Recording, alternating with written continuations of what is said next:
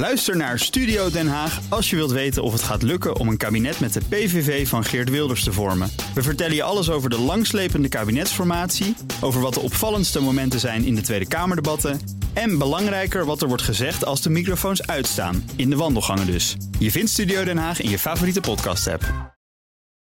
Dit is een podcast van BNR Nieuwsradio.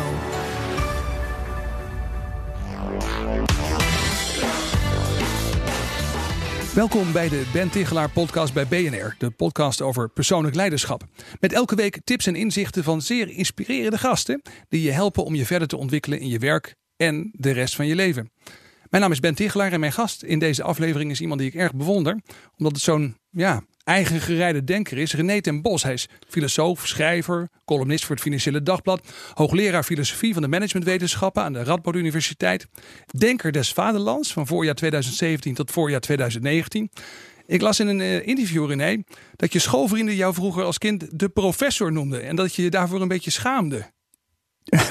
Ja, dat deed ik ook. Ja. Ja, ja. maar uiteindelijk ben je het wel geworden. Ja, maar dat is pas na veel omwegen gegaan. Ik heb niet een typische academische carrière gehad. Nee, je hebt allerlei dingen gedaan. Ik heb gezien dat je, je bent ook leraar Engels bijvoorbeeld geweest. Ik ben leraar Engels geweest. Ik heb nog een tijd gevist op de Atlantische Oceaan. Ik heb nog in een slachthuis gewerkt. Ik, heb, uh, ik ben organisatieadviseur gewerkt. Uh, dat is wel het allerergste. Ja, een wereld die jou ook heel bekend is. Ja. Dus, uh, maar die andere dus beroepen, daar kijk ik nog wel van op. Dat wist ik helemaal niet. Dat je hebt gevist op de Atlantische ja, Oceaan. Dat, dat, is wel lang geleden hoor. Dat is okay. echt heel lang geleden. Ja, ja, ja. bijzonder. Nou. Maar uh, dat, ik spreek al van 40 jaar terug. Dus, uh, dus dat is in die zin is dat echt uh, heel lang geleden. Goed, het zijn wel dingen die je mede vormen, denk ik. Ja, ja. ik ben pas op mijn 40, na mijn 40ste begonnen met academische carrière. Ik kreeg okay. kleine kindjes. En ik vond dat het uh, tijd was voor wat rust. Oké, okay, toen dacht je nou, ga eens rustig aan doen. Niet meer vissen op de Atlantische Oceaan. Be... Nou, dat deed ik al heel lang niet meer. Maar dat, ja. dat reizen als organi organisatieadvies is een beetje een eenzaam beroep. Je bent veel onderweg. Ja. Zit veel in organisaties, uh, hutjes. Uh, op de hei en dergelijke meer. En ik kan me herinneren dat ik met kinderen van drie, vier... die, die vonden het jammer dat papa zo vaak weg was. Daar kan me iets bij voorstellen. Even zo voor de record. Hoe oud zijn ze nu? Uh, 23 en uh, uh, 22. Oké, okay, ja. dus dan hebben we ja. een beetje het idee hoe we dat moeten plaatsen, ja, zeg nou, maar. Ja. Nou, nou ik, ik, ik, ga binnenkort ook weer trouwen, dus en ik krijg er vijf bij. Dus, uh, je krijgt er vijf bij, en dat in één keer? Nou, ja, ja, ja. Oké, okay. zo, nou dat is wel bijzonder. Dat is heel leuk, ja. ja. Nou, je hebt heel wat meegemaakt en de vraag die ik meestal als eerste stel, en dat is, dat is ook de vraag waar ik met jou uh, mee zou willen beginnen. Wat heb je nou in, in die nou, best wel rijk geschakeerde loopbaan geleerd waarvan je zegt dat heeft me echt veranderd? Dus een inzicht of iets wat je wat op een gegeven moment wat je ervaarde, waardoor je zegt, nou toen ben ik echt dingen anders gaan bekijken. Er zijn twee dingen die mij dan te binnen schieten. Uh, ik heb een uh, afkeer van vlees eten gekregen door mijn werk uh, in, in, in een slachterij. Oké, okay, dat is al best wel lang geleden. Dat al. is al lang geleden, ja. Ja. ja. Ja, Dat is één ding. Maar ik moet meer in het bijzonder denken aan wat een professor mij ooit is zei. Ik had net uh, vakantiewerk gedaan uh, bij een wasmiddelenfabriek. Kortman Redipro heette dat. Ja. Die dobbelman en uh, dat soort uh, dobbelman, dingen. Dat ken ik nog, van die grote ja. plastic zakken ja, die je vroeger had. Ja. En ik ging meteen door van het werk. Was om half vijf klaar. Ik had de hele dag van die waspoederdozen gepelletiseerd. En ging meteen door om een tentamen te doen van, over Martin Heidegger bij okay. professor Peperzak. Ad Peperzak, grote Levinas kennen. En vertaler ook geweest. En, en ik kreeg een negen voor dat uh, tentamen. En hij merkte toen na afloop bij mij een zekere zelfgenoegzaamheid. Zo okay. van, oh jee, het was mijn laatste, die was binnen. En toen sprak hij de onvergelijkelijke woorden, die heb ik altijd in mijn hoofd geknopt. Jonge man ten Bos, je werd nog echt met de achternaam aangesproken. In die tijd, hij leeft nog steeds, hij is 93 ja. of zo. En... Uh, jonge man ten Bos, uh, u weet toch wel dat het ware studeren pas na het studeren begint. Ja, ja, nou, die ja. heb ik me heel erg goed in uh, oren geknopt. Ja. Dat is wel heel mooi, ja. Dus ja. het denken dat je kennis uh, in je hoofd zetten en vervolgens reproduceren, dat is het dat was niet, hooguit nee. het beginnetje. Dat beginnetje. was echt een uh, armzalig beginnetje. Ja. Ja, ja. Ik dacht dat ik Heidegger begreep en pas later kwam ik erachter dat ik er eigenlijk helemaal niets van begreep. Oké, okay, Dus uh, nu inmiddels wel wat meer, maar nee, jongens, dat is echt dat is een meer zeggen ze. Hè? Een zee om leeg te drinken. Ja. heel veel werk. Laten we ze eh, over naar je werk toe gaan. Ehm, nou ja, je bent op allerlei terreinen van de filosofie eigenlijk best wel actief geweest, zou je kunnen zeggen, tot nu toe. Over heel veel onderwerpen ook geschreven. Maar de laatste tijd valt me op, gaat het vaak over de klimaatcrisis. Dat is echt iets wat jou, wat jou bezighoudt. En toen we dit een beetje aan het voorbereiden waren met z'n tweeën, kwam het ook naar voren. Dat is echt een onderwerp van je zegt, daar zou ik het ook over willen hebben. Ja. Ja. Ehm, hoe kijkt een filosoof naar de klimaatcrisis? Nou, het, het, het is een. Die klimaatcrisis, die, die, ja, daar kun je op heel veel verschillende manieren naar kijken. En filosofen kijken er ook op heel veel verschillende manieren naar. In de eerste plaats uh, zou je ernaar kunnen kijken vanuit het perspectief van hoe komt het dat de politiek eigenlijk zo, uh, zich zo weinig aantrekt van alles wat die wetenschap zegt. Ja. Dus, dus uh, die wetenschap die is niets meer en niets minder dan alarmistisch. En uh, dat dringt niet echt door in, Ja, in de politiek. Als bijvoorbeeld uh, met die recente discussies in de politiek sommige ministers ook zeggen van uh, we hebben nog tijd, we hebben nog 30 jaar tijd. Nou, als ik Nature, Science, the Journal of Climatology en dat soort bladen Dat zijn de grote gezaghebbende de ja, publicaties. dat zijn grote gezagen en die zeggen we hebben geen tijd. We moeten eerder gisteren dan vandaag beginnen met, met maatregelen. En, en nou, da, daar zit een verwondering in. We- Weten ze het niet of willen ze het niet weten? Um, Of zijn er nog veel meer andere opties? er zijn heel veel belangen. Die, uh, en, en die belangenstrijd die is enorm groot. En men ziet nog steeds niet echt de urgentie die wetenschappers kennelijk wel zien. Ja. Nou, dat, Ja. dat, dat, dat vind ik op zich al een interessant vraagstuk. En daar heb ik ook wel het een en ander uh, over gezegd en geschreven. Een andere interessant vraagstuk is natuurlijk ook wat voor soort wetenschap is die meteorologie. Ja. En, en uh, de, de, de meteoros, hè, zoals dat heet, dat is alles wat tussen hemel en aarde zich bevindt. En dat is een hele moeilijke, complexe wereld. Ja. En uh, kijk, die, die, die sterren, die konden de mensen wel aan. Dat verloopt allemaal cyclisch, dat zijn mooie Precies. wiskundige Je kunt wetten. bereken- berekenen wanneer ze weer een keer verschijnen. En, Ja. voilà. en dat geldt ook voor de wetten op de aarde. Maar tussen hemel en aarde, daar vindt het onbegrijpelijke plaats. ja, dat is altijd iets- al zo geweest, maar dat geldt dus ook met betrekking tot het klimaat, zeg jij. Ja, ja, dat geldt vooral met betrekking tot weersverschijnselen. Oké. Dus als je die hele literatuur leest over klimaat. Ik, ik ben nou echt helemaal terug naar Aristoteles, Lucretius. Dan zie je dat angst altijd bij klimaat een grote rol speelt. Die al, Dat is wel interessant. Je zegt als filosoof moet je dus eigenlijk ook die literatuur gewoon weer een stotje nemen. Als je over dit soort onderwerpen wil nadenken. Ja, ja. Ook de meteorologie. Ja, ik ben geïnteresseerd in, in, in die relatieve onwetendheid uh, waar meteorologie mee kampt. We weten natuurlijk steeds meer. Ja. En, en, maar ons vertrouwen in dat weten wordt eigenlijk steeds minder, zou je kunnen zeggen. Dat, is heel interessant. En Seneca, Lucretius, die dachten van wij moeten hier wat van weten. Ze benadrukken allemaal dat het weten van die weersverschijnselen eigenlijk nog heel erg uh, ondermaats is. En, Ja. maar voor hen was weten juist iets wat angst uh, verhindert. Ja. Je moet gelijkmoedig blijven, je moet moed erin houden. Dat, dat levert de wetenschap van het weer op. Hm. En uh, dat is vandaag de dag, hoe meer we weten, hoe angstiger het Ja, eigenlijk ja. wordt. Ja. En dat, dat is een soort omkering aan de, aan, aan de gang. Jij zegt in een van je late, me- meer recente boeken, eh, zeg je we leven, zoals ze dat dan noemen, in het antropocene. De tijd waarin de mensheid het leefklimaat op aarde onomkeerbaar heeft veranderd. Door ontbossing, door eh, gebruik van fossiele brandstoffen, eh, grootschalige landbouw. We hebben die wereld zo, zodanig veranderd dat we onze eigen wereld, eigenlijk onze eigen leefomgeving kapot aan het maken zijn. En ik, ik, lees ook bij jou dat je ja, dat het jou ook inderdaad, wat je net al aangaf, angst, eh, op zijn minst somberheid misschien wel Ja, inboezemt? de- ja, nou, ja, god, ik ben niet van nature een pessimist. Maar eh, er, zijn, er zijn wel dingen aan de hand met de wereld waar het niet loont om optimistisch over te zijn. Nee, nee. En dat is bijvoorbeeld het uitsterven van eh, dieren, dus de teleurgang aan biodiversiteit. Maar ook eh, ja, die klimaatopwarming, waar we volgens mij dus echt middenin zitten. Ja. En dat, dat zijn zaken waar je, die, die toch ja, in ieder geval niet heel vrolijk stemmen. Ja, nou zijn er best een hoop mensen die hier dan ook heel praktisch naar kijken. Dat is natuurlijk ook een beetje. eh, het is een podcast voor BNR. Er luisteren veel mensen die met zaken doen bezig zijn, met, Ja. met business. Er zijn ook wel mensen die zeggen, nou, ik zie dat als een business opportunity. Er zijn ook mensen die zeggen, eh, ja, maar je moet positief blijven, want er zijn technologisch allerlei dingen mogelijk. En ik begreep dat jij daar ook wel een klein beetje, nou ja, eh, op zijn minst gezegd, sceptisch over bent, over die benadering. Ik ben wel sceptisch over optimisme eh, die, dat doorgezet wordt, koste wat kost. Ja. Ik heb het natuurlijk wel eens paradoxaal uh, proberen te verwoorden.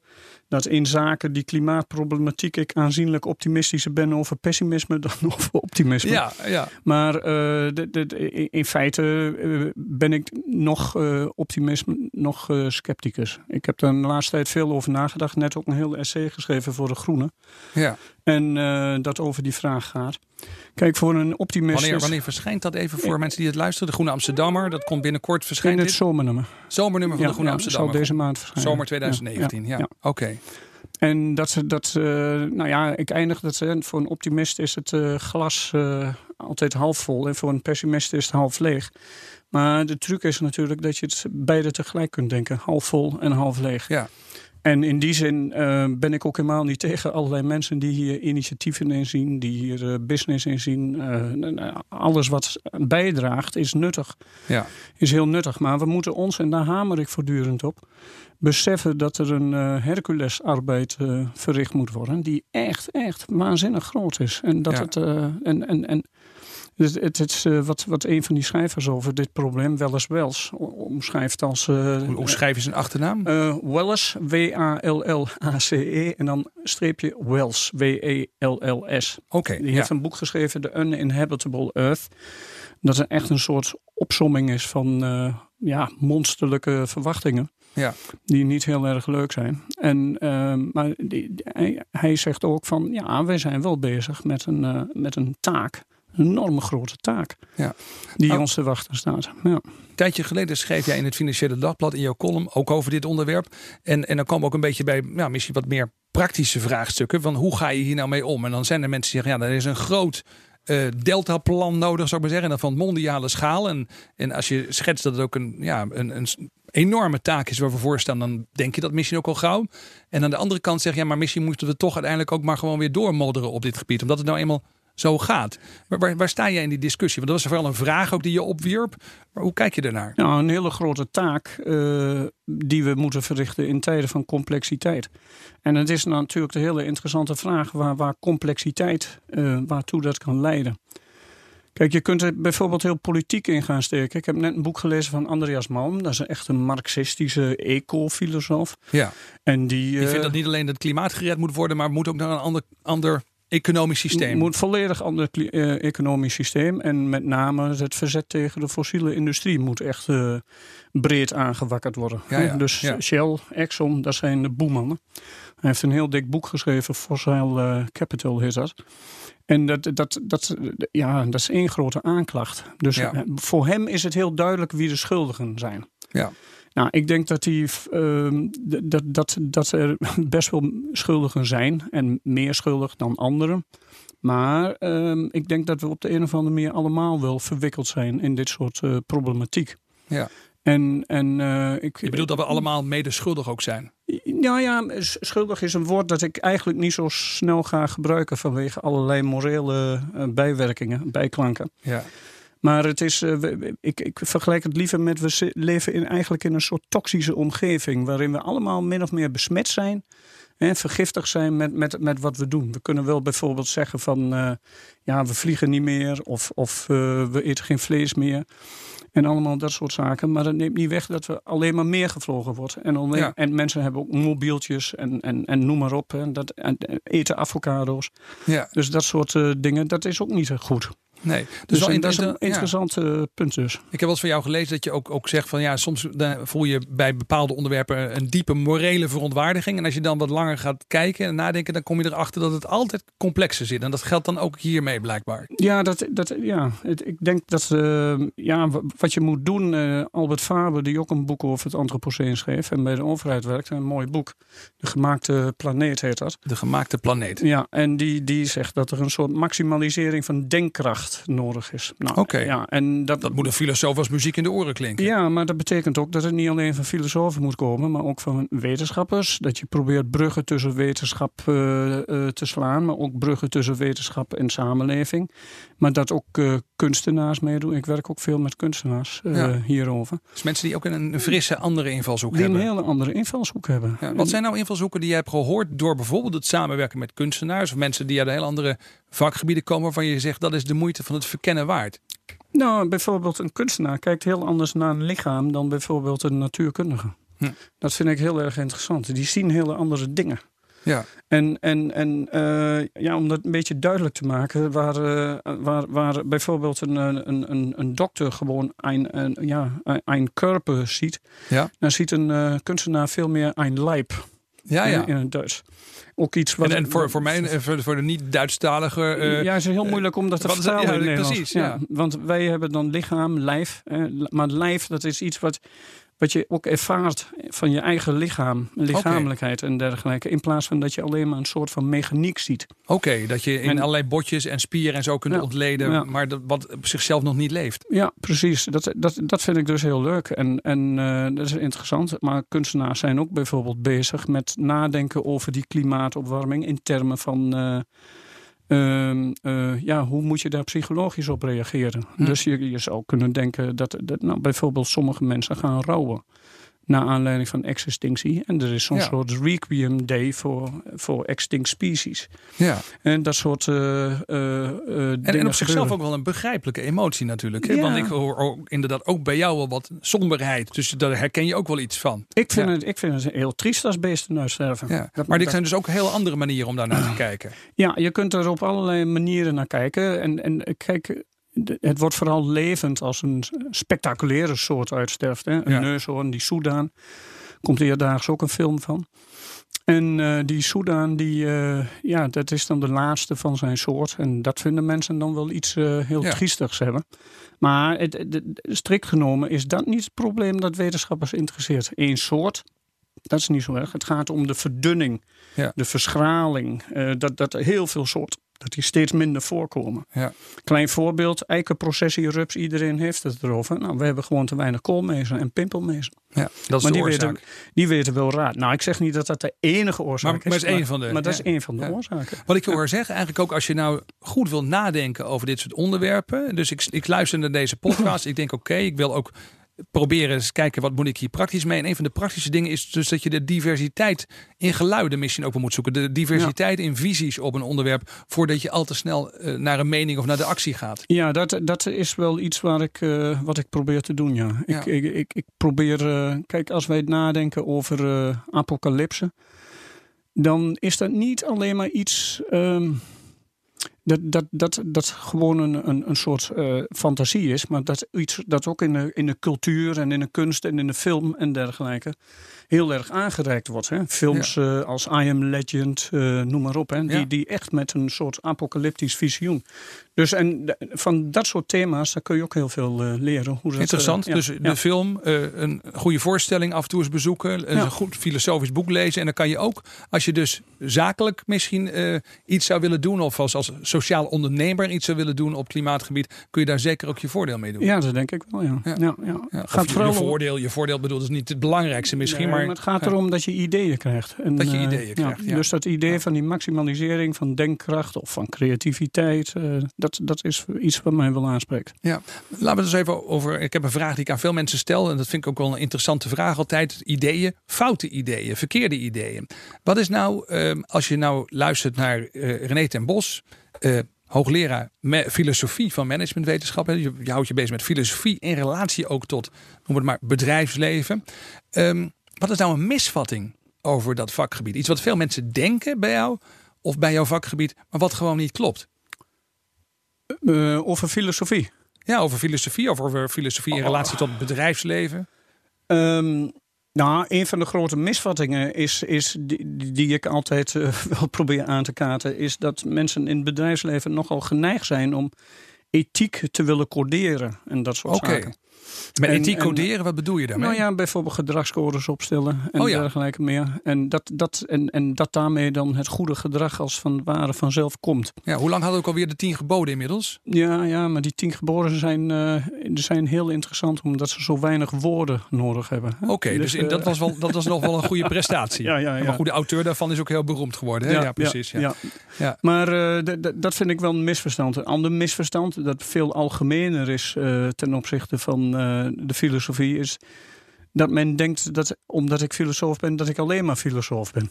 Oh ja. Maar dat ben ik niet. Ik, ik bedoel, ik, ik ben vader, ik ben uh, uh, voetbalsupporter. Ja, FC, FC Twente, FC Twente, ja, ja, ja, gehoord, ja. Dus, dus men denkt dat ze heel. Ik, mijn vriendin die krijgt wel eens, een aanstaande, die krijgt wel eens de vraag: God, daar zul je de hele dag wel hele diepzinnige gesprekken mee voeren. Maar dat en valt dat dus wel mee. Dat valt wel mee. Ja, ja precies. Ja. Oh, leuk om dat te horen. Ja. Zeg, uh, een ander uh, verrassend element in deze podcast is dat er een, een vraag uh, getrokken wordt. Ik heb 15 vragen op een rijtje staan in enveloppen. Ja. En je moet een nummer noemen. En ik ben heel benieuwd welk nummer dat is. En dan trek ik die, die vraag die erbij hoort. 9. 9. Ga even kijken hoor. Ja, oké, okay, ga even. Even kijken, wat staat erin? Waar heb je de afgelopen tijd hardop om moeten lachen? Waar heb je de laatste tijd hardop om moeten lachen, René ten Bos? Ik moet vaak lachen om Sigmund. Die cartoon in, uh, in de Volkskrant. In, in de Volkskrant. Ja. Die vind ik echt. En ik heb er net voordat ik hier ging.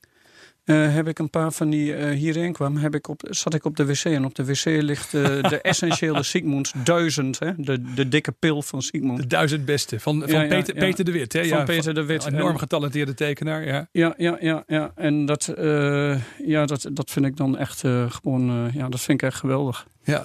Ja, en dan komt een man die bij hem en die zegt dan 1, 7, 3, 4. Het enige wat ik kwijt wil is mijn pincode. en verder zegt hij, dan moet ik echt heel erg om lachen. Maar ik, ik, ik, ik, cartoons vind ik eh, vaak heel leuk. Eh, ik, ik, ook die van Collignon. Hij heeft een paar geweldige Trump-cartoons eh, gemaakt eh, recentelijk. Het is knap hè, om in, in één beeld Ja. soms Ja. of eh, in een paar zinnetjes Oh, ja, goed. een idee over te brengen. Ja, ja, ja, ja, ja. Dus, dus eh, die cartoonisten die moeten ook eh, betrokken worden bij de hele discussie. Ja. Laatste vraag die ik altijd aan, aan mijn gasten heb, is eh, of je een mediatip hebt. Nou, je hebt je natuurlijk wel een mediatip gegeven. De duizend beste van Sigmund. Die moeten we natuurlijk allemaal aanschaffen voor op het toilet. Maar, maar wat, nog meer, wat nog meer? Als we over, op jouw vakgebied of over klimaat. Je had een aantal titels al genoemd. Maar wat is nou een, een, een podcast, een eh, TED-talk, een boek, een film? Iets waarvan je zegt, dat, dat moet eigenlijk iedereen zou dat gezien moeten hebben. Ik lees nu een boek eh, van een Duitse literatuurwetenschapster en, eh, ehm, en filosofe. Eva Horn heet ze. Oké, Eva Horn. Ja, en dat boek heet Zukunft als Catastrofe. Hm, dat klinkt niet heel erg eh, Nee, bemoedigend. nee, maar het is een steengoed boek. Er zijn Ja. ook eh, wel eh, talks van haar op het internet. Wat maakt dat boek zo goed? Ehm, omdat het eigenlijk ehm, een, een, een heel mooi laat zien hoezeer dat idee van de laatste mens al echt een culturele issue is geworden. Ja. En dat al Dat vanaf de 19e eeuw, dat Ja. daar serieus over nagedacht wordt. Precies. En, en ehm, in, in, het begint, of het begint niet helemaal met die beschrijving, maar het gaat uit van het gedicht van eh, Lord Byron, Byron, Darkness. In 1816 heeft hij dat gedicht in Genève geschreven. Mhm. Eh, Shelley was erbij, Mary Shelley en noem maar op. En, en ehm, dat, dat is een, echt, een, echt een heel duister gedicht, omdat men toen dacht dat het klimaat rampzalig afkoelde. Later bleek dat samen te hangen met een vulkaanuitbarsting op Sumatra. Oké. Dat is de zwaarste vulkaanuitbarsting ooit geweest. En die heeft toen drie jaar heel slecht weer. Men dacht toen echt eh, dat, dat, dat er geen zomers meer Een zouden soort komen. klimaatcrisis, zeg maar, Ja. die uiteindelijk nog wel duidelijk kon worden. Hè? Kon de oorzaak nog wel duidelijk worden ja, dat is pas aangewezen. hon- hon- Ja. tientallen jaren later is daar een verband Ja. getrokken. Tussen die buitengewoon interessant om dat als uitgangspunt te nemen. Ja, en, Ja. ja. en dat, dat, dat laat zij precies zien hoezeer toen al door die mensen werd nagedacht over die catastrofe. En zo'n gedicht. En als je dat dan leest, dan is dat. eh, ja, dat is, dat is, dat is- niet alleen is het in zijn eh, gothic ook, ook een heel mooi gedicht. Hè. Het, Ja. het is echt waanzinnig goed geschreven. En het is ook in vertaald in het Nederlands door Onno Kuiper, als ik het goed heb, van de Universiteit van Utrecht. En eh, die heeft daar zelfs een heel boekje eh aan gewijd. En Dus ik- we zouden sowieso het gedicht van Lord Byron moeten lezen. Ja. Maar dus ook het boek van eh, Eva Horn. Eva gewoon toekomst als als catastrofe. catastrofe. Ja. Dat, dat, nou ja, geen vrolijke boeken, maar het is ook nergens heb ik de indruk dat je daar ook somber van wordt. ja. Maar het is interessant dat wij bezig zijn met dat soort thematiek. En het zit breed in onze cultuur. Het beschrijft bijvoorbeeld ook hoe die mensen bij die Rand Corporation natuurlijk bezig zijn geweest om eh, die ideeën van mutually assured destruction, hè, MAD, Ja. eh, met, de, met het eh, atoombewapening. In de Koude Oorlogstijd inderdaad. Ja, hè, dat was zo'n denktank die nadacht over waar gaat dat naartoe. Ja, Horne, Horne heeft er wel kijk op. Want die heeft hele boeken ook geschreven over eh, spionage. eh, dat soort eh, werelden. Geheime dus in- diensten. in- dus in die zin ook Ja. sowieso een interessante eh, is een interessante auteur. Ja, Ja, auteur. leuk. Ja. Nou, ja, ontzettend bedankt eigenlijk René ten Bos voor het delen van jouw inzichten en ideeën met ons. Een hele hoop ideeën. Ik kan me voorstellen dat je af en toe nog eens even moet terugspoelen in deze podcast. Hartstikke mooi dat je hier wilde zijn. Dit was de eh, Ben Tichelaar podcast bij BNR met als gast René ten Bos. Vond je dit nou interessant? Check dan ook de andere podcasts op www.bnr.nl slash Tichelaar. Tot de volgende keer. Ook Hugo Reitsma vind je in de BNR-app. Superhandig die BNR-app. Je kunt alle programma's live luisteren, breaking nieuwsmeldingen. Je blijft op de hoogte van het laatste zakelijke nieuws. En je vindt er alle BNR-podcasts, waaronder natuurlijk de belangrijkste, Boeken zijn in de wijk. Download nu de gratis BNR-app en blijf scherp.